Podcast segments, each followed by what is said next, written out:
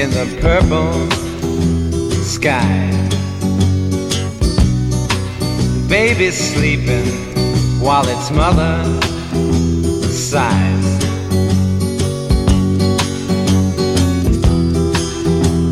Talking about the rich folks, rich folks have the same jokes and they park in basic places.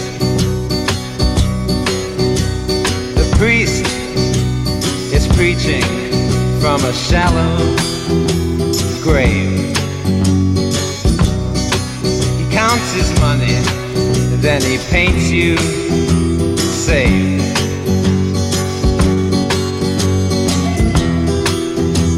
Talking to the young folks, young folks share the same jokes, but they meet in older places. Don't tell me about your success, nor your recipes for my happiness. smoking bed I never could digest Those illusions you claim to have going 2023. január 23. Ma kb. 5 év után újra találkoztam AHA programozóval. Megbeszéltük, hogy ő evésben jobb, mint ivásban, ezért kocsival bementem egy ismerős burgerezőig. Előtte jelezte, hogy az elmúlt években kopasz lett, arra készüljek fel, mire jeleztem, hogy kicsit furán indul ez a randi. Végigvettük az elmúlt időszakot. Kiderült, hogy aha valamiért elméleti szakember lett, az az elmélete, hogy két évente fizetésemelést kell kapni vagy távozni. Ennek megfelelően közös munkahelyünkről utánam távozott a megelőző munkahelyére, ahová előtte a közös munkahelyünkről távozott, még azelőtt, hogy megismertem volna. Azaz aha rimképlete eddig A, B, A, B, a B helyen három hét után ült egyedül az étkezőben elszontyolodva, hogy már semmi sem a régi, és felhívta a volt kollégák közül az egyiket, akivel annó éjjel hotfix bulisztunk, hogy ő hol van? Egy nagy magyar hivatalban van több régi kollégával. Ők is kb. akkor távoztak, amikor aha. És ott mi a feladat? Hát az ennyi idő után még nem derült ki.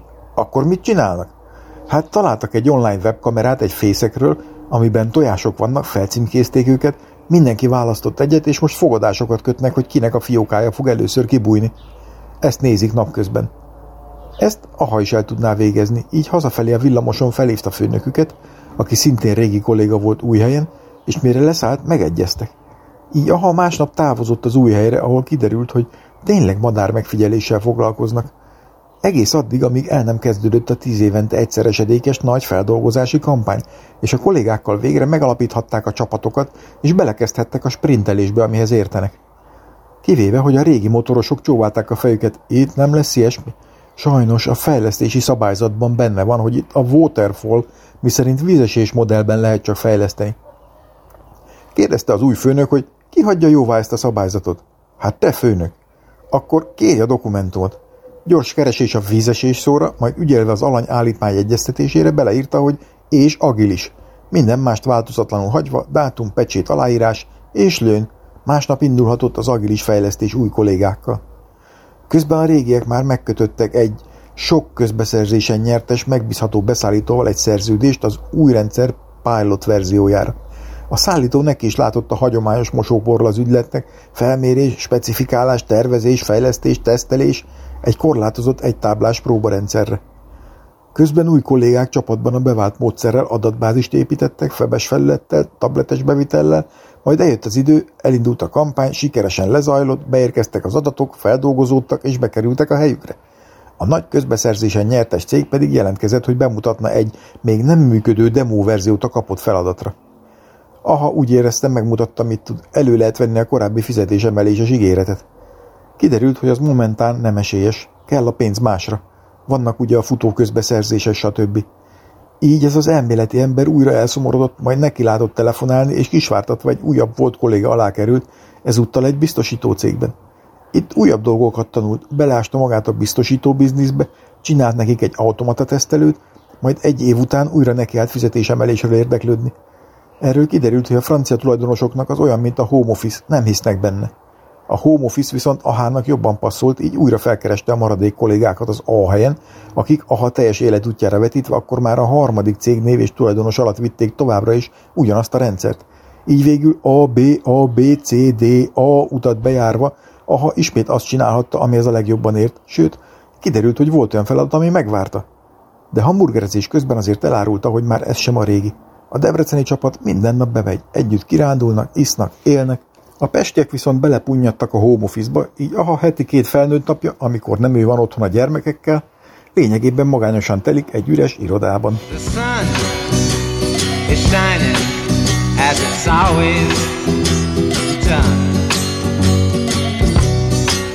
Carbon dust is a face of everyone.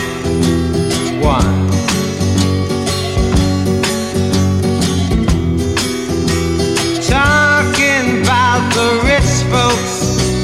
The poor create the rich hoax, and only late breastfed fools believe it.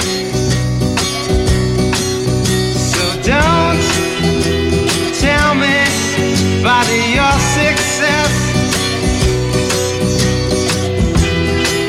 nor your recipes for my happiness. smoking bed I never could digest. Those illusions you claim to have going.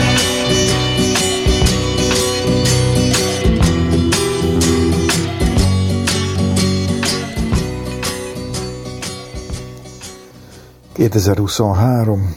január 19. Ma Nagy D megvédte a doktoriát, aminek már a címében is több eredeti karakter volt, mint néhai köztársasági elnökök teljes dolgozatában. A védés telepatikus, Timszen keresztül történik. Mi a nappaliból lessük, sógoromék valami wellness hotel medencéjéből, kis D ágyból. Egy öreg prof, az MC, kerékbetört angolsággal vezeti a szeánszt, bemutatja a résztvevőket, majd átadja az óta titkárnak, aki kis D érzése szerint a család közben cseten tartja a kapcsolatot, Felolvassa a Nagy D nekrológiát. Mikor született? Hány kezeletlen aranyérem tulajdonosa? De a nyugodjék békében helyett váratlanul átadják a szót az érintetnek, aki lendületesen belekezd a femtoszkópia és a korrelációk ismertetésébe. Fenomenológus. Gördülékenyen előadja a 160 oldal és 5 év munka 20 perces összefoglalását. Öreg prof megdicséri, hogy szépen mondta, és milyen jól belefért az időbe, majd átadja a szót prof Tomaseknek, aki folyékony angolsággal méltatja a dolgozatot, különös tekintettel a kiemelkedő szövegezésre, formai megoldásokra és grafikai megjelenésre, valamint kérdéseket tesz fel, hogy vajon a 0-30% közé eső centralitás, mint vizsgálati spektrum nem túlságosan tág kiterjedése a vizsgálódásra, tekintettel a széleken lepattanók adataiban fellépő minőségromlás miatti felesleges számításokra. Majd váratlanul előveszi a summa cum laude bűbájt, ami olyan lehet, mint az in vitro patronum, de a fiatal kutatóra nem hat. Velünk ne kötözködjön. Szlovák bíráló után meglepő módon egy halott olasz zeneszerző jelentkezik, bizonyos Giuseppe Verde, aki kevésbé magabiztos angol tudással mond dolgokat, de a végén ő is laudál.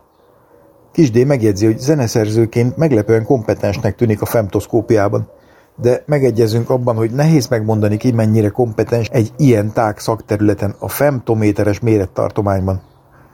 Közben visszaadják a szót a védekezésre képes áldozatnak, aki néha olyanokat mond, hogy igaza van Bogusnak, I mean professzor Tomaseknek, aki a 160 oldal közepén egy képlet negyedik emeletén a zárójeles kifejezésben talált egy pluszjelet, hogy az mínusz, a vak is tudja, sajtóhuba, köszöni a jelzést. A másik kérdésre válasz helyett a szakirodalmat ajánlja ez a fiatal kutató. Nemrég jelent meg cikk a témában, olvassák el azt ahelyett, hogy őt provokálják itt kérdésekkel. Kis zavar támad egy időre, Valahonnan női hang szüremkedik be, talán egy medence mellett kerül némi víz a mikrofon némító gombra. Nice to mute you, de ezt az akadályt is vesszük. Ezután az öreg, aki kisdét kicsit idegesíti, pedig az elején elárulta, hogy ő professzor invalidus, vagy emeritus, vagy remete, vagy mi, kihirdeti, hogy kérdezzen az esküdszék. A három néma ember, akik írásban küldtek kérdéseket, de megszólalás helyett ismét Nagy D olvassa fel a kérdéseiket, kis nehezítéssel, mert a titkár vetíti ki, megosztva előbb saját képernyőjét, ahol a résztvevők látszanak, de az anyag nem, majd előhalászva a szöveget egy jobboldali keskeny csíkba, amit onnantól nagyítgat és húzigat ide-oda. Kicsit sikerült meglepni Nagy Dét, na nem a húzogatással, hanem a bevezető első bekezdésében említett lényegtelen hivatkozásba belekérdezéssel, de ebből is kivágjuk magunkat. Aztán eljön a pillanat, hogy bárki kérdezhet a közönségből, fontolgatjuk kisdével, hogy mit kérdezzünk. What is your personal record on deadlifting? Which Pokémon is big, heavy and sleepy? Is your Adobe licensed or pirated? De aztán elmúlik a pillanat. Az öreg bejelenti, hogy a zsűri visszavonul vitatkozni, de mi maradhatunk. Majd kis kavarodást támad a Teams Chanelekkel, ez valami parfümös dolog lesz, de szerencsésen megoldódik. Mi fel alá járkálunk, nincs türelmem dolgozni. Majd visszajön az öreg, elmondja, hogy ilyenkor kéne felállni, kutatón kisé összerezzen, mert ugyan öltön nyakkendőben van, de a home office etikettnek megfelelően mackóhasóban. Szerencsére a remete prof mondja, hogy nem áll fel, és ismerteti az eredményt, miszerint 95% ez szabályos szummakum, nem baj, mondjuk, majd fellebbezünk. Este családilag ünnepelünk. Kisdé mutatja legújabb mahagóniból felsőmart golyós labirintusát, nagy D eljátszik vele, sikeresen végigvezeti a labirintusba, majd beirányítja a golyót a saroki lyukba, és kérdi, hogy most mi a helyzet? Hol a golyó? Kisdé mondja, hogy fordítsa meg. Frissen doktorát kutatónk forgatja jobbra, balra, csalódottan hallgatja, hol rezeg a golyó, mire Kisdé közli, hogy zétengely. Ja, miért nem azt mondtad, hogy fordítsam meg? És lám, a másik oldalon is van egy labirintus. Gratulálok, doktor úr, mondja Kisdé. Kicsit később a bogusozásra hivatkozva előadja elméletét, miszerint a fizikusok megvezetik az egész világot, felosztják egymás között a pályázati pénzeket, nem létező dolgokról írogatnak értelmetlen halandzsát, olvashatatlan hieroglifákkal, belájkolgatják egymást a tudományos cikkek alatt a fizikus Facebookon, doktori címeket osztogatnak, miközben csak utazgatni meg sörözgetni járnak egymás egyetemeire. 2023. február 9. Mindenfélével elteltek a napok. Voltunk Kisdével és barátommal a zeneházában, megnéztünk egy retropop kiállítást, úgyhogy hozzánk hasonló öregek saját fiaikkal, lányaikkal mutogattak a falakra, hogy na, az a jóképű, lobonchajú fiatalember a török Ádám. Meg na, ki volt az apád falán egy poszteren dögös bőrszerkóban, ha megmondod, fizetek egy sört, de nem tudta a gyerek eltalálni, és mint kiderült, a kérdezőmester sem, mert ő Bódi Magdira tippelt, akit én nem tudtam ki, ellenben az én falamon Szűcs Judit volt, akit sohasem hallgattam, de akkoriban elég jó nő volt, és még most is vállalható gilf, szerintem. Utána átmentünk a szembeterembe, a hangdomba, ahová egy ideig nem engedtek be, mert a Duna TV forgatott. Majd kijött egy behizelgő modorú ember, hogy ő a gyártásvezető, és micsoda élmény lesz ez nekünk. Felvehetnék-e vágóképnek a haveromat, ahogy élvezi? Nem, jött a válasz. Jobb szereti magában. Akkor itt ez a Schneidig fiatalember? Kisdé is köszönte nem. Én maradtam. Megkérdeztem, terveznek-e hazudozni a műsorban a vágókép alatt, mondjuk egy kis Brüsszel-gender vonalon. De nem terveztek, ez egy családi műsorba lesz. Így végül hátulról sziluettet engedtünk. A műsor az idegesítő narrálás ellenére látványos volt, egy félgömbbe vetítve jöttek mindenfelől a képek, hangok, forgott velünk és körülöttünk egy szimfonikus zenekar egy koncertteremben. Annyira meggyőzően, hogy meg kellett néznem a bejáratot, hogy mozgunk-e. Azért megállapítottuk, hogy többet is ki lehetett volna hozni ebből. Utána elmentünk sörözni és sztorizgatni kisdé okulására. Másik nap meg szembe jön velem egy tekintet, meg alatta egy New Yorker cikk, amit aztán két napig kell majd olvasnom olyan hosszú. Eszembe is jutott a dadaista kiáltványból ez a kedvenc részem. A nap, amikor először leülsz a kényelmes karosszékedbe egyetlen pillanatra, az egész életedet kockáztatod. Közben olvasom, hogy valaki, mindegy ki, persze nem, arról beszél, hogy az írás vagy inkább történetmesélés az, amiért vagy amivel az életedet kockáztatod. Ha egy történetben nem lehet belehalni, azt nem is éri meg leírni. Eszterházi is tudta ezt a hasnyálmirigy naplóval. És ez az ember is tudja, hogy nem teheti meg egy történettel, ami íródni akar, hogy nem írja meg, pusztán azért, mert halára ítélhetik miatta. Sőt, élvezi. Azt írja, a fatva jól áll a férfi embernek, vonza a nőket. Ott lebeg körülötted, mint valami szexi tündér csillám varázs. És tizenkét év bujkálás, valamint kb. tíz regény megírása után feladja az álcát. New Yorkba költözik, éttermekbe jár, és táncparketten csapatja. Egész addig, amíg végül eljut Kattanoga csúcsúba, vagy valami hasonló nevű helyre, ahol a színpadon felszeleteli egy szerencsétlen ember. Egyik szeme, bal kezén az idegei, lépe, mája rámegy, de életben marad, és már azon gondolkodik, vajon tud-e még írni, és akkor most miért írjon, hogy ne legyen önsajnáltató, de legyen tényszerű, és akkor mi lenne az egyensúlya ennek? Irigylem, hát milyen tekintet ez már, amihez elég egyetlen szem? Tegnap meg eszembe jutott az ósanban, hogy kéne sampon, és bátran meg is kerestem, mert pontosan tudtam, milyen kell, olyan kék a teteje és fehér az alja. De kiderült a helyszínen, hogy ennek a specifikációnak 15 féle, amúgy teljesen egyforma sampon is megfelel. Így kicsit eltanácstalanodtam, emlékeztem valami sárgára is, így végül vettem citromosat, mert manapság a citromra ráírják, hogy emberi fogyasztásra alkalmatlan, de a vegyipar viszont természetes anyagokból dolgozik, citrusok meg fenyőszag. Aztán itthon elolvastam, hogy kettő az egyben, van benne légkondicionáló vagy mi. Biztos, hogy lobogjon a hajam a szélben, mint annak a menyecskének, aki ide-oda repül, reggel még az alaszkai Venkatalapacsiban döngeti a pilóta, este már az indiai Kolkatában szürcsöli a köldökéből a diólikört egy maharadja, és lejjebb még azt írják, hogy száz százalékban korpamentes, ami nem egy óriási vállalás egy sampontól, minek raknának bele korpát, mint a gluténmentes zsömlébe. Ja, és vettem borotfapengét is, ahol véletlenül kicsúszott a számon egy azt a kúrtam, mire helyeselt mellettem egy öreg, hogy hát igen, drága mulatság a borotválkozás, és azóta borotva hirdetések jönnek a telex hírek között. És arra gondoltam, mennyivel egyszerűbb volt az élet régen, samponból a sárga kicsit lehetett választani, és a pengéből a zsilettet, ami akkor nem márkanév volt egy az ezerből, hanem egy eszköz, mint a Frigider, DZ-vel vagy a kuka. Mikor ezt beírtam a nőknek, megkaptam, hogy az nem sampon volt, hanem taft. Mire megkérdeztem, hogy az akkor valami magyar szó arra, hogy nem sampon? Minek arra külön szó? Felvilágosítottak, hogy hajlak. Jeleztem, hogy akkor én nem tudom hány éve teljes tudatlanságban tengődtem, mert azt hittem ez valami sampon hirdetés. Minek kéne még más valami is egy hajra? Valaki belinkelte az eredeti reklámot 994-ből, akkor pontosítottam. 29 éve gondolom azt, hogy ez valami értelmetlen hirdetés, de most megvilágosodtam. Ez egy értelmetlen lakhirdetés. És a haja is milyen már? Ennyi idő alatt Nagy D eljutott a farrakakilástól a fizika doktoriig, én meg egy helyben toporogtam. 2023. március 8.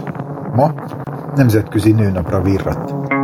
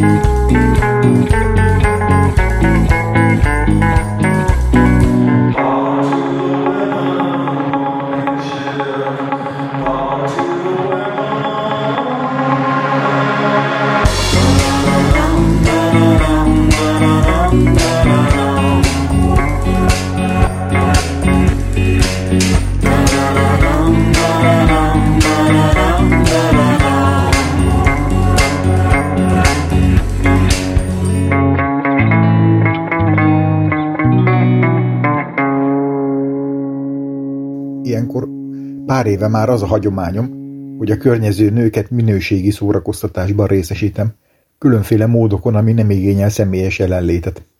Erre évközben kell készülni zeneszámok és videók gyűjtögetésével. Persze néha a saját csapdámba esem, és órákig kutatok, válogatok, fordítok és ferdítek.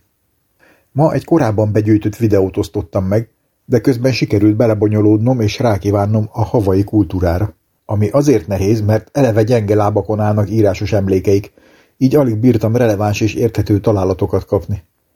Közben kiderült, hogy a Google simán fordít havairól, és az angol átiratról is, értékelhető minőségben, kis anomália, hogy eltérő eredménye. Egyikben például rendőrségről hadovál a hagyományos kántáló ember, ugyanaz a sor a másikban kisállatokról szól. Úgy éreztem, ez elegendő inspiráció ahhoz, hogy szabadon interpoláljak a kettő közé bármit. A videón egy tánccsoport látszik, mint férfiak, akik nem viselnek mást, mint egy derék köré budgyos szoknyára hajtogatott sárga sötétítő függönyt. A combjaik kb. derék vastagságúak, karban, válban és hátban sem konfekció méret. Kecses, de határozott táncot lejtenek egy háttérben kántáló énekes és doboló dobos hangjára és ritmusára. Pár óra keresés után először az együttes nevére, majd onnan egy méltató cikkre, amiben megemlítik az elhangzott dalt, Tu Oe, de kutya nehéz kétbetűs kifejezésekre keresni a neten, majd kiegészítő kifejezésre keresve, hogy valami oh hello, fesz csak ilyen bogyós gyümölcsök jöttek. Végül megtudtam, hogy ez a hula oh hello egy kántálós énekre lejtett tréfás termékenységi tánc, amiről egyetlen korabeli, 60-as évekbeli felvétel maradt fenn, amiről ilyen minőségben fordítja a Google a cikket. Ennek a havai Hula Oelo-nak az előadója Tom Kaula Heaonamoku Hiona 1915-1968 Eleanor Hiramtól tanulta, aki nagyanyjától Keakao Kala Kanahelétől tanulta. Ez az 1961-ben készült felvétel lehet az egyetlen ebből az időből ismert Hula Ohelo, amelyet a Kanahele hagyomány szerint dob kísér. Az élénk, humoros, nyíltan szexuális szöveget 1960-ban Hiona biztosította, 1961-ben pedig Pukai fordította. De még mindig nem volt meg a szöveg maga. Kellett még lejjebb menni a találatokon. Végül megtaláltam a némileg önellentmondásos Unwritten Literature of Hawaii by Nathaniel B. Emerson 1909 című cikket, ami ebből a műből a római XXXIV fejezetet tartalmazta. A Hula Ohello leírásával, és végre ott a tánc lirice. Innentől kis kiigazításokkal újra segít a fordító, bár az angol szöveg elég jól érthető.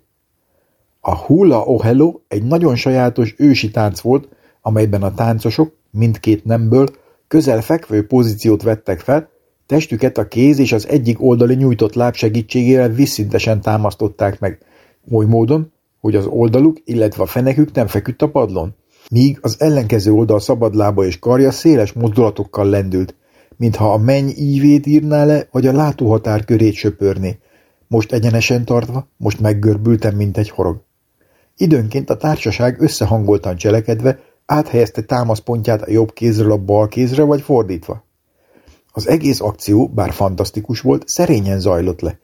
Hangszeres kíséret nem volt, de a fent leírt torna végzése közben a szereplők egy melély szavait skandálták valami óvilági dallamra, melynek ritmusa és dallama elveszett. Itt közbeszúrom, hogy az előző cikkből kiderült, hogy nem veszett, mert sikerült 61-ben felvenni Tom Kaula Heaonamoku Hiona 1915-1968 előadását, aki Eleanor Hiramtól tanulta, aki nagyanyjától Keakaokala Kanahelétől tanulta. De folytassuk a leírást. Az automata fordító havai környezetben meglehetősen szokatlanul kandallónak fordította a Hearst kifejezést, ami itt talán inkább tűzrakóhely. A tanulók táncra való felkészítésének sajátos jellemzője volt, hogy egy nagy tüzet kellett körbevenni, lábaikkal a tűzrakóhely közepe felé mutatva. Ennek a gyakorlatnak az elmélete az volt, hogy a tűz hője táplálta a végtagokat, és élénkséget adott a mozdulatoknak. Nyilvánvalóan ugyanazon az elven, mint ahogy a tűz lehetővé teszi, hogy egy fabotot görbe formára hajlítsunk. A kapuahi tűzhely szó a mellé negyedik sorában kétségtelenül utalás erre a gyakorlatra. Az a tény, hogy a szigetek éghajlata, a hegyek és a hegyvidékek kivételével ritkán olyan hideg, hogy a tűz körül gyülekezni kelljen, úgy tűnik azt bizonyítja, hogy a kandallóval kapcsolatos tánc gyakorlásának szokása valami olyan vidékről származott, ahol az éghajlat szigorúbb, mint Havain. Nekem így gyanussá váltak az oroszok, akik kb. ugyanezekkel a mozdulatokkal táncolják a kalinkát, és a kandallóhoz is több közük van. Nyugodtan kijelenthetjük, hogy nagyon kevés Kumu hula látta, és sokan nem is hallottak a hula ohelóról. A szerzőnek hiteles beszámolója van arról, hogy az utolsó előadás 1856-ban történt, Ewan, amennyire tudni nyilvános színpadon. Itt megint megemlítem, hogy az 1909-es szerző téved, hiszen tudjuk, hogy 1961-ben Tom Kaula Namoku Hiona 1915-1968 előadta, aki Eleanor Hiramtól tanulta, aki nagyanyjától Keakaokala Kanahelétől tanulta. A szerző mentségére szolgáljon, hogy 1909-ben még nem találták fel az internetet. Na, idáig jutva dicséretes módon ellenálltam annak, hogy újabb frontokat nyissak annak kiderítésére, mit jelent a melé vagy a kumu hula. Na, ná, hogy nem igaz. Melé havaiul annyit tesz zene. Kumu hula pedig a hulatánc mestere. Viszont következett végre az eredeti havai szöveg, amit ha valaha beolvasok, miért is ne tenném, fogalmam sem lesz, hogyan is kéne ejteni. Két verszak. Melé. Kueko vahio hello neilla auve auve. Ma kau au ikau mea nui vali vali vali vali. Pe holewa nei alewa la alewa nei. mino mino ena ena ka ia in kapuahi kapuahi. Nenea i ka ilai o kona o kona a o kona. Po humalino i kēka i hawana wana hawana wana. Hi makau naka lawa i anui e nui e a nui la. Ke o e nei ke aho aka i puholo holo holona. holo holona. Nana ika opua makai e makaila. Mai ka kahana amalioe amaliola. Ko hupono kai nuana ika wai a wai e. o kuoue neila o hello neila o hello neila. Második. ki kiolele, kiolele. Ke mapu mai nei, ke ala, ke ala e. ua malihini ka hale ua ki hika ua hiki e. Hoi paua i ka uka o manai ula ula la ula e. Ma nei o e a ka make make anoho mali e mali e. Ka pakolo na he o ka unalu mahope mahope. E a pehe au pehe o ia la. a hawe ke aloha i ke a kaogana i ke kao na la. Mōlia i ka nahele e nahele la. E hele o e amana o mai i ka luhi mua a i mua. O mo e hewa na iwi i ke ala nui ala nui. Ka pahawa i a ka moku nui a nui e. Nui mai ke aloha auewe au auewe au. Aue pau au i ka mano nui mano nui. Aue pau au i ka mano nui mano nui. Szerintem jó ritmusa van, és végre itt volt alatta az angol átirat. Nem tudom, hogy az 1909-es angol volt régies, vagy a havai eredetit próbálták imitálni, minden esetre volt benne például zu, you helyett. Na ez már érthető volt, helyjel közzel, és egész jól fordította az automata. Sajnos, persze, hogy eszembe jutott az eredetit is lefordítatni. Az is jónak tűnt. Viszont más lett. Innentől úgy éreztem, szabad kezet kaptam. Átjárt a hegyek és a tenger szelleme, vezették a kezem, és végül erre jutottam, ami véleményem szerint vagy közel van az eredetihez, vagy nem. De mintha érezném által a hulla rezgését. Meghat és megérint téged a mozgásom, de félek, félek. Rettegek hús, hús hegyettől. Hogy ringatózik, hogy ringatózik, imbolyog. Megperzsel a tűzhely, a tűzhely melege. Napon együtt égünk a nyáron, konában, konában. Nyugalom csitítja a suttogó tengert, a suttogó tengert. Íme a horgász nagy horogja, ó, milyen nagy, nagyszerű. A keltetőben egyre több az állat, az állat. Nézd a felhőjelét a víz felett, a víz felett. Milyen jó mester Malió, Malió. Adjunk hálát a vízért, a vízért. Jaj, te állsz a helyemen, én meg bolyongok. Előre és hátra, előre és hátra, hátra és előre. Leheld az erdő illatát, az erdő illatát.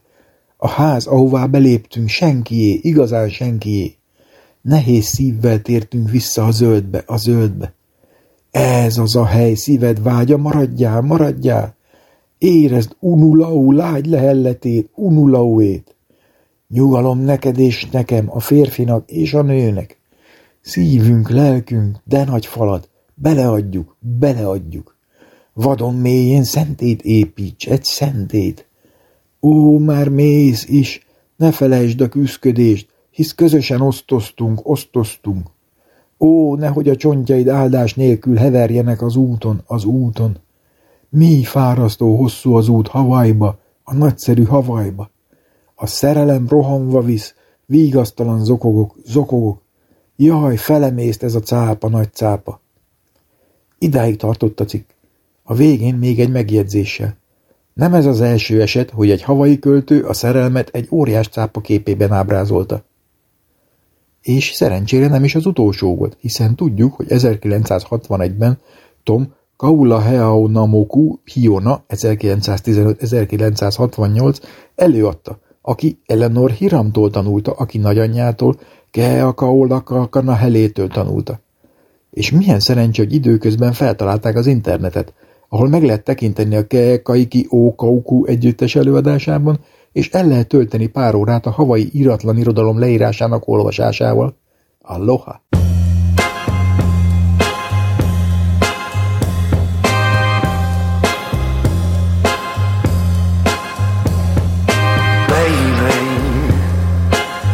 I've got a thing or two to say. You see, of late, my love. Things just haven't been the same.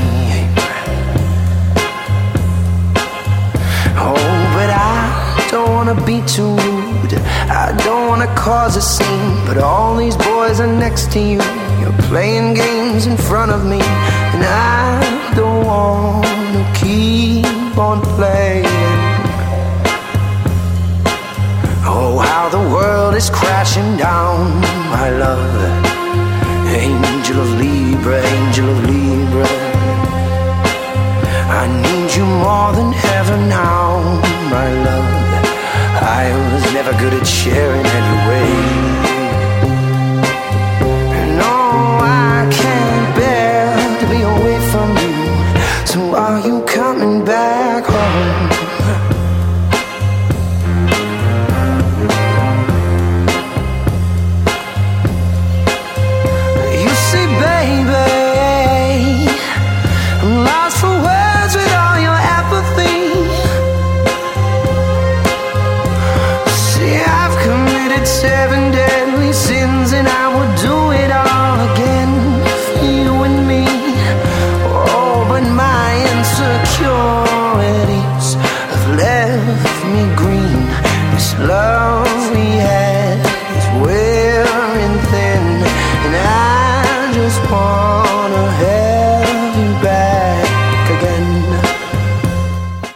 ...2023. április 3. Tegnap ágyban olvasás közben elalvás előtt eszembe jutott Pierre Ménard, a Kihote szerzője, akiről nem olyan rég emlékeztem meg, de rém lett, hogy nem feltétlenül jól idéztem fel. Ezért rákerestem, meg is találtam, és neki láttam. Borges gazdag, idegen kifejezésekkel tűzdelt elegáns spanyoljának, tele olyan kifejezésekkel, amik angolra és magyarra is ugyanan értetetlen, latinosan fordulnak. Invektíva, magyarul invektív. És egyszer csak belefutok a palimpszesztóba, amiről azonnal tudom mi az magyarul palimpszeszt. Egy olyan szó, amit eddig egyszer sem hallottam, vagy olvastam hézagmentesen beillesztve valami érthető szövegbe, kizárólag valami kifejezetten kizökkentő célú attrakcióként. És csak azért tudom mi az, mert meglepő módon kétszer is szerepel a téren. és mindkétszer ott motoszkált, de nem jöttem rá, honnan ismerős. Most pedig szembe jött Borges szövegébe ágyazva, amit mondjuk vagy harminc éve olvashattam, ahol nem tűnt attrakciónak, sejmesen zsimult bele. Lehet, hogy csak azért, mert amúgy is tele volt ennél is ritkább és haszontalanabb szavakkal. He reflexionado que es lícito ver en el Quijote final una especie de palimpsesto, en el que deben translucirse los rastros tenues pero no indescifrables de la previa escritura de nuestro amigo. Szokás szerint szinte tökéletesen fordítja Google. Elgondolkodtam azon, hogy a végső kihotében jogos látni egyfajta palimpszeszt, amelyben barátunk korábbi írásának halvány, de nem megfejthetetlen nyomait kell feltárni. Palimpszeszt olyan pergamen, amiről lekaparták az eredeti írást, valami értéktelen ókori filozófus feljegyzéseit, hogy az értékes anyagra keresztény imádságokat körmöljenek, mégis a sorok között átsejlik az eredeti szöveg. Pierre Ménard egy annyira elfelejtett szimbolista francia költő, hogy nem is létezik. Ahogy Borges írásában gazdagon és precízen behivatkozott idézetek, művek és alkotók egy jelentős része sem, miközben a tréfa és a sznopságra hajlamos hozzáértő olvasók, kritikusok, mindenféle irodalmárok megtévesztése kedvéért egy sor másik hivatkozás nagyon is létezik. Magamfajta amatőr számára reménytelen ezt kibogozni, elég csak szörfölni ezeken a hullámokon. Az írásban a szerző arra tesz kísérletet, hogy helyreigazítson egy Ménárt halála után kiadott méltatásban szereplő jegyzéket műveiről, amiből méltatlanul kimaradt láthatatlan, de főműve a Quixote. Borges élvezettel és elegáns habkönnyű iróniával meséli, hogy Ménár célja nem egy Quixote történet megírása volt, hanem a Quixote megírása, ami szóról szóra megegyezne az eredetivel, mégis egészen más, sokkal mélyebb jelentése lenne. Módszerként, mivel túl könnyűnek találja, elveti, hogy legyen Cervantes. Ugye jól tudni spanyolul, visszanyerni a katolikus hitet, harcolni a mórok ellen, elfelejteni Európa 1602 és 1918 közötti történelmét. Itt megüti a szemem, hogy Borges a spanyolul kifejezést használja az óhazában bevett kasztíliai Castellano helyett. Pedig értelemszerűen Cervantes is azt használta volna. Ezt eredetileg nem értettem, de a spanyolok között mindenki büszke saját tartományára. Legtöbbnek külön nyelve vagy nyelvjárása is van. Katalán, gallego, baszk, valenciai, asztúriai. Ezekből jött létre a birodalom, aminek nyelve a kasztíliai lett. De ha ezt valaki spanyolnak nevezi, az amolyan birodalmi lenézésnek tűnik, a többi nem spanyol, csak valami provinciális hablaty. Ablár spanyolul beszél? Vagy ez az ember egy argentin író, és tudja ezt, mert mindent tud, de magasról teszre. Szóval ez a mű nem készült el. Ménár csak a 9., a 38. fejezetet és a 22. egy töredékét írta meg. De micsoda eredménnyel? És akkor itt idéz Borges egy bekezdést az eredetiből, majd ugyanaz szóról szóra Ménárd művéből. Ugye mekkora különbség? Az eredeti, könnyed, korabeli spanyol, saját korában mindenki számára könnyen érthető. Ellenben Ménárd műve, némileg arhaizáló, finoman mesterkéltnek hat. És itt tovább. Abszurd, értelmetlen, ugyanakkor szórakoztató és furcsán kielégítő érzés követni a búvópatakként csörgedező iróniát. Amíg eszembe nem jut keresni egy értelmező írást az írásról, ahol valaki arról értekezik, ami egyszer csak egy ráismerést hoz, hogy Borges 1940-ben, 20 évvel megelőzve korát, meghirdette a nagybetűs szerző és az eredeti mű halálát, az irodalom középpontjába az olvasót helyezve. Nem számít a szerző, nem számít a kora vagy környezete, Nincs egyetlen eredeti mű, helyette annyi mű van, ahány olvasó. A mű bennünk keletkezik, egyedi és megismételhetetlen. Innen nézve plágium és másolat sincsen. Ha én szóról szóra leírok valamit, amit valaki más leírt, az lehet egészen más, vendégszöveg, még csak nem is az enyém, hanem azért, aki elolvassa és beilleszti, átszűri saját magán. Ez tetszik. Oh, how the world is crashing down, my love,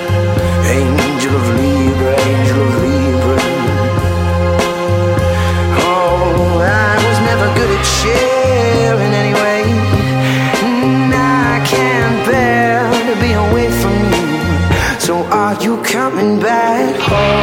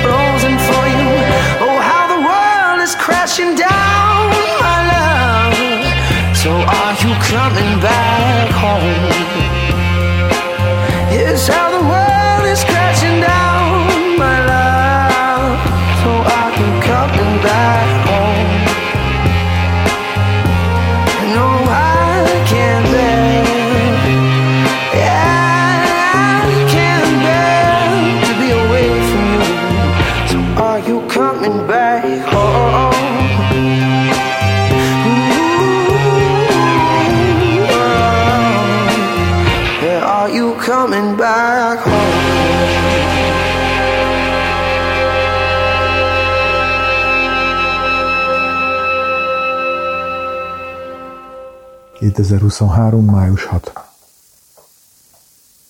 Hiányzik még valami a műsorhoz, még nem adja ki. Talán a havai táncolt irodalom és a dél-amerikai fiktív filológiai novellizmus után itt az ideje annak, amiről már egy ideje gondolkodom, hogy kéne egy komplet műsor a spanyol irodalomról. De ahányszor elgondolom, valahogy mindig oda jutok, hogy nem tudok szinte semmit a spanyol irodalomról. Sőt, kicsit tovább gondolkodva nem tudok szinte semmit, szinte semmiről. Még talán az európai fővárosokból is megbuknék, a Balkán kifog rajtam, szóval kisebbre kéne szabnom azt a kabátot. Talán elég volna egy fél műsor, vagy csak tíz percben minden, amit tudni akartál a spanyol irodalomról, Lope de Vegától Camilo José Celáig. Eszembe jut, hogy van egy vastag kötetem, vagy 600 oldal, amit soha nem olvastam el, bár néhányszor forgattam már, de most megnézve a címét kiderül, hogy egy antológia a 20. századi spanyol irodalomról. Na ebből nem lesz áttekintés. Próbálom felidézni, mik az emlékeim. Középiskolában egyetlen évben, másodikban tanultunk spanyol irodalmat, Madridban, a Santa Markában. Abban az évben a jobb szárnyban voltunk a tornaterem felett, épp oda mentünk a lépcsőn lefelé, amikor először sikerült spontán, azonnali kerekmondatban válaszolni valami kérdésre. Úgy éreztem, végre megy a spanyol. Ez ugyanúgy tévedésnek bizonyult, mint zsebre dugott kézzel rongyolni lazán lefelé a lépcsőn. Már csak pár fok volt hátra, amikor megbotlottam, de arra már nem maradt idő, hogy kirángassam a kezem. Azon a másik orcámon landoltam, amit hagyományosan oda kéne tartani az első ütés után. Kb. a spanyol irodalomban is így jártam. Rémlik, hogy szerencsére hamar átugrottuk a középkort, Cervantes, Lope de Vegát, majd valahol belefutottunk a hagyományos pikareszk regénybe, és ott kezdődtek a bajok. El kellett volna olvasni a Falacain el Aventurero című pikareszket, aminek a műfaja sem volt meg, de kiderült, hogy ez valami 19. századi vidám csempésztori. Magabiztos új tudásommal felvértezve felcsaptam a könyvet, majd egy órányi szenvedés és kb. egy oldalnyi haladás után rájöttem, hogy nem tudok spanyolul, és a szótáram sem megfelelő. Most beleolvasva kicsit jobb a helyzet, egyrészt azt írja a Viki, a legjobb száz spanyol regényben benne van, másrészt rájöttem, hogy ez igazából 20. század eleje. Lehet, hogy nem is pikareszk, de ettől még egy jókaihoz illő kétoldalas tájleírással indít, és ezt feldolgozni kb. olyan lehetett, mint mondjuk egy évnyi magyar tudással azt olvasni valakinek, hogy édesapám e Marcona barok főúr, kinek gyakran állt módjában és kötelességében pillantását Lipót emelhetni, pillantását Lipót emelte, arcára komolyságot vett, bár csillogó, hunyorgó szeme, mint mindig elárulta, és mondotta, kutya nehéz felség úgy hazudni, ha az ember nem ösmeri az igazságot. Azzal fölpattan zöld fikár nevű pejére, és elvágtatott az érzékeny 17. századi tájleírásban. Szóval szarban voltam. A házi feladatokat lemásoltam, a dolgozatokat nagy nezen kihoztam elégségesre, de a regényelemzést nem sikerült megúszni.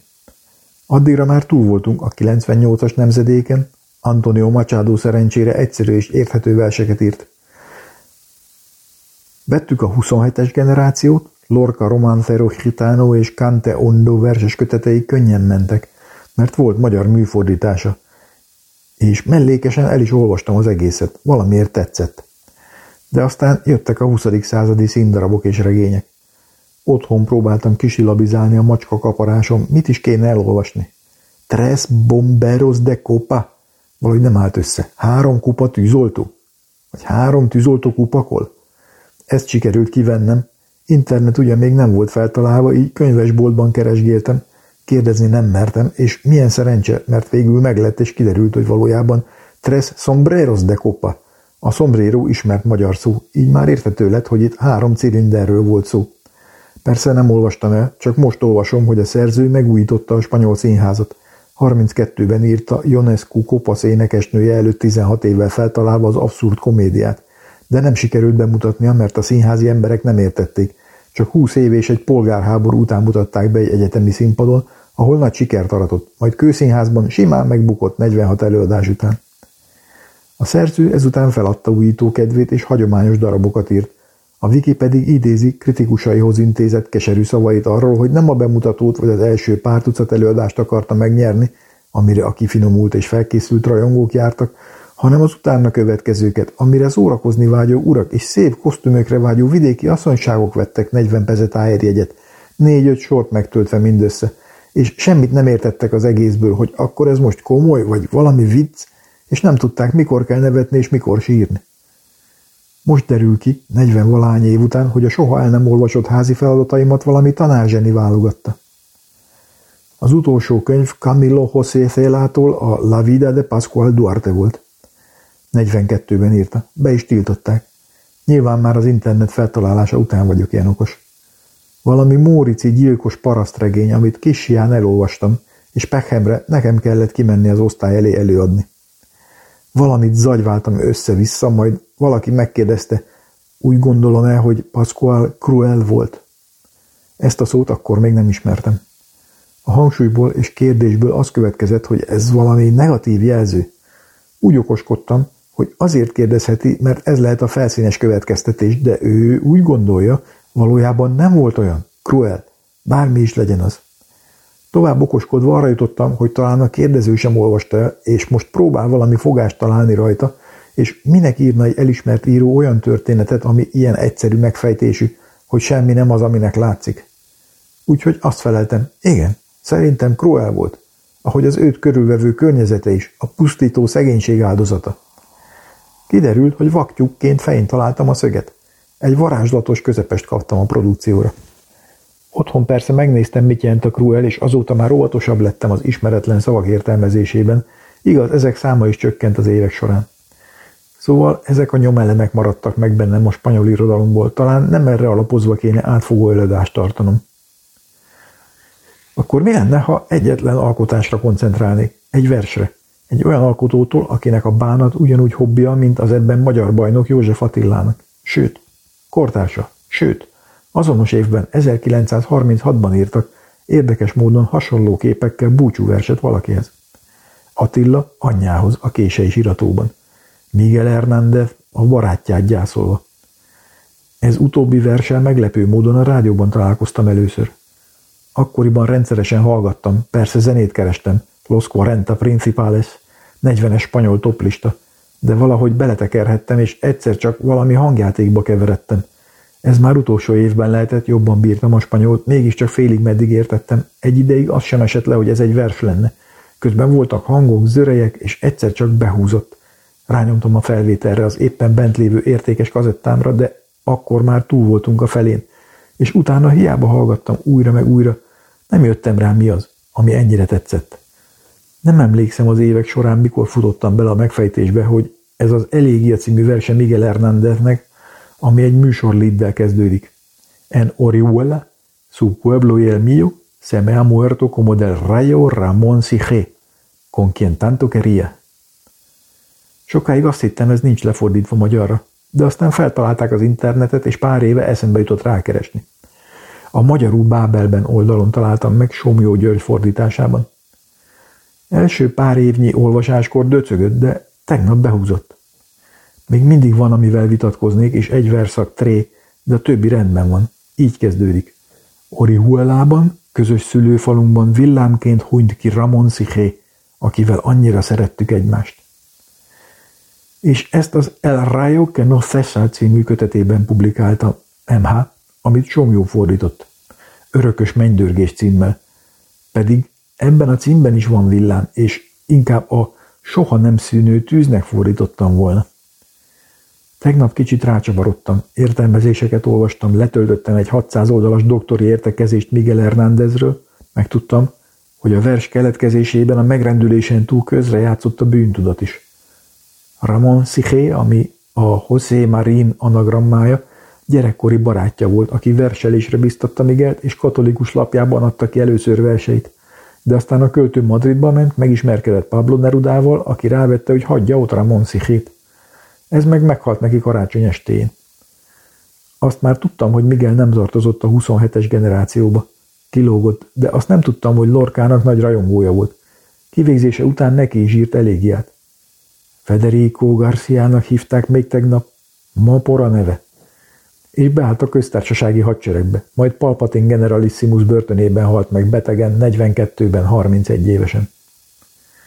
Akkoriban a költők voltak a rockstárok, akik egészségtelen életet éltek, eszméket szívtak és belehaltak. Miguel Hernández a halállal, a sorssal vitatkozik, József Attila, magyar költő, elég idegesítő módon saját anyjával, mintha ő akart volna meghalni. 36 fokos lázban égek, mindig te nem ápolsz, anyám, mint lenge, könnyű lány, ha odaintik, kinyújtóztál a halál oldalán. Lágy, őszi tájból és sok kedves nőből próbálnak összeállítani téged, de nem futja, már látom az időből. A tömény tűz. Eléget. És aztán hasonló elborulás, mint MH-nál. Most zsíros nyírkot kóstol üres ajkad. Félrevezettél engem. Ettelek volna meg. Te vacsorádat hoztad el. Kértem én. Miért görbítetted mosásnak a hátad, hogy egyengesd egy láda fenekén? Lásd, örülnék, ha megvernél még egyszer. És itt persze beúszik Karinti az agyam pereméről. Anyám, nem jó volt, szűj meg újra, rossz voltam, verj meg! Attila verse csak egyre sötétebb lesz egészen a végéig. Kit anya szült, az mind csalódik végül. Vagy így, vagy úgy, hogy maga próbál csalni. Ha küzd, hát abba, ha pedig kibékül, ebbe fog belehalni. Ehhez képest Miguel Hernández, spanyol költő is belecsavarodik a bánatspirálba. A versből szerintem kiváló zombi animációs filmet lehetne forgatni. De végül kikeveredik az örvényből, és nem keserű józanság lesz belőle, mint Attillánál, hanem valami paraszt gyerekhez illő bukolikus idilla végére. Meg kéne rajzolni ezt is.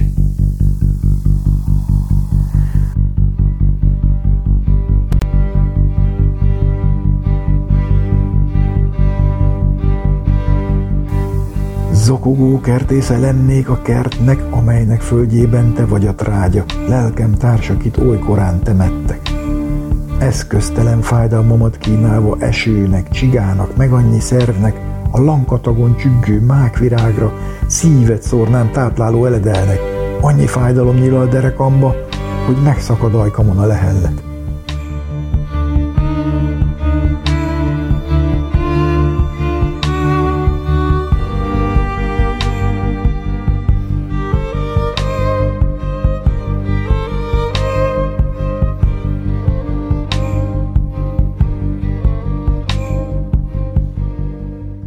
Egy láthatatlan, gyilkos élő bolta csapásának áldozata lettél, embertelen taszítás vert az ajba.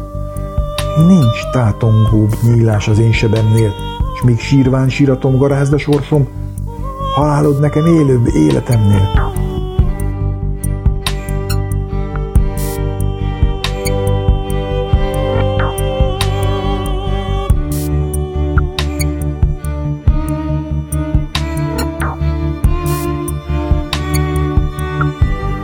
Halottak tarlóit bolyongom vigasztalan, s majd megvesz a hidegség, szívemtől ügyeimhez hajt a dolgom. A halál túl korán megkezdte röttét, a hajnalnak túl kora pírja támadt, testedet túl korán a földbe lökték. Nincs bocsánat a szerelmes halálnak, se az életnek, mely hogy nem törődöm, a földnek, a semminek nincs bocsánat.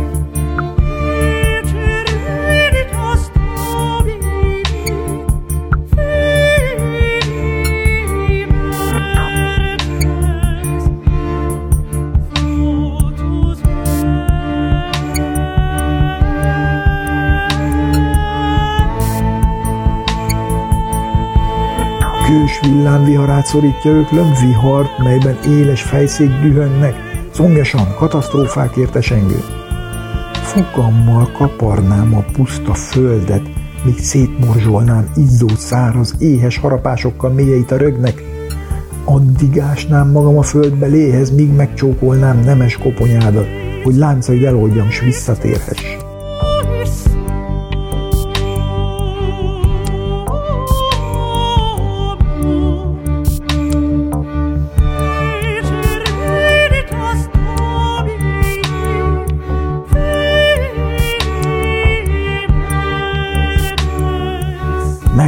Látnád újra kertem s fügefámat, míg virágálványok közt kergetőzve, méhész lelket szerte csapongva száll majd, angyali viaszt s munkát keresőben. A rácsos ablakok közt kivárnád a turvékoló parasz szeretőket? Felvidított szemöldököm homályát, és mindenfelé szétárd a véred, követelve a méheket s a mátkád. Szívedet, mely foszló bársony szövétnek tejmondulák földjére hívja szédült szerelmes szóm, hurtán esengve érted. Elvárlak ott, hol szárnyakká fehérült rózsák lelke habzik a mandulásban. Ó, mennyi mindenről kell még beszélnünk. Én lelkem társa, te, én drága társa.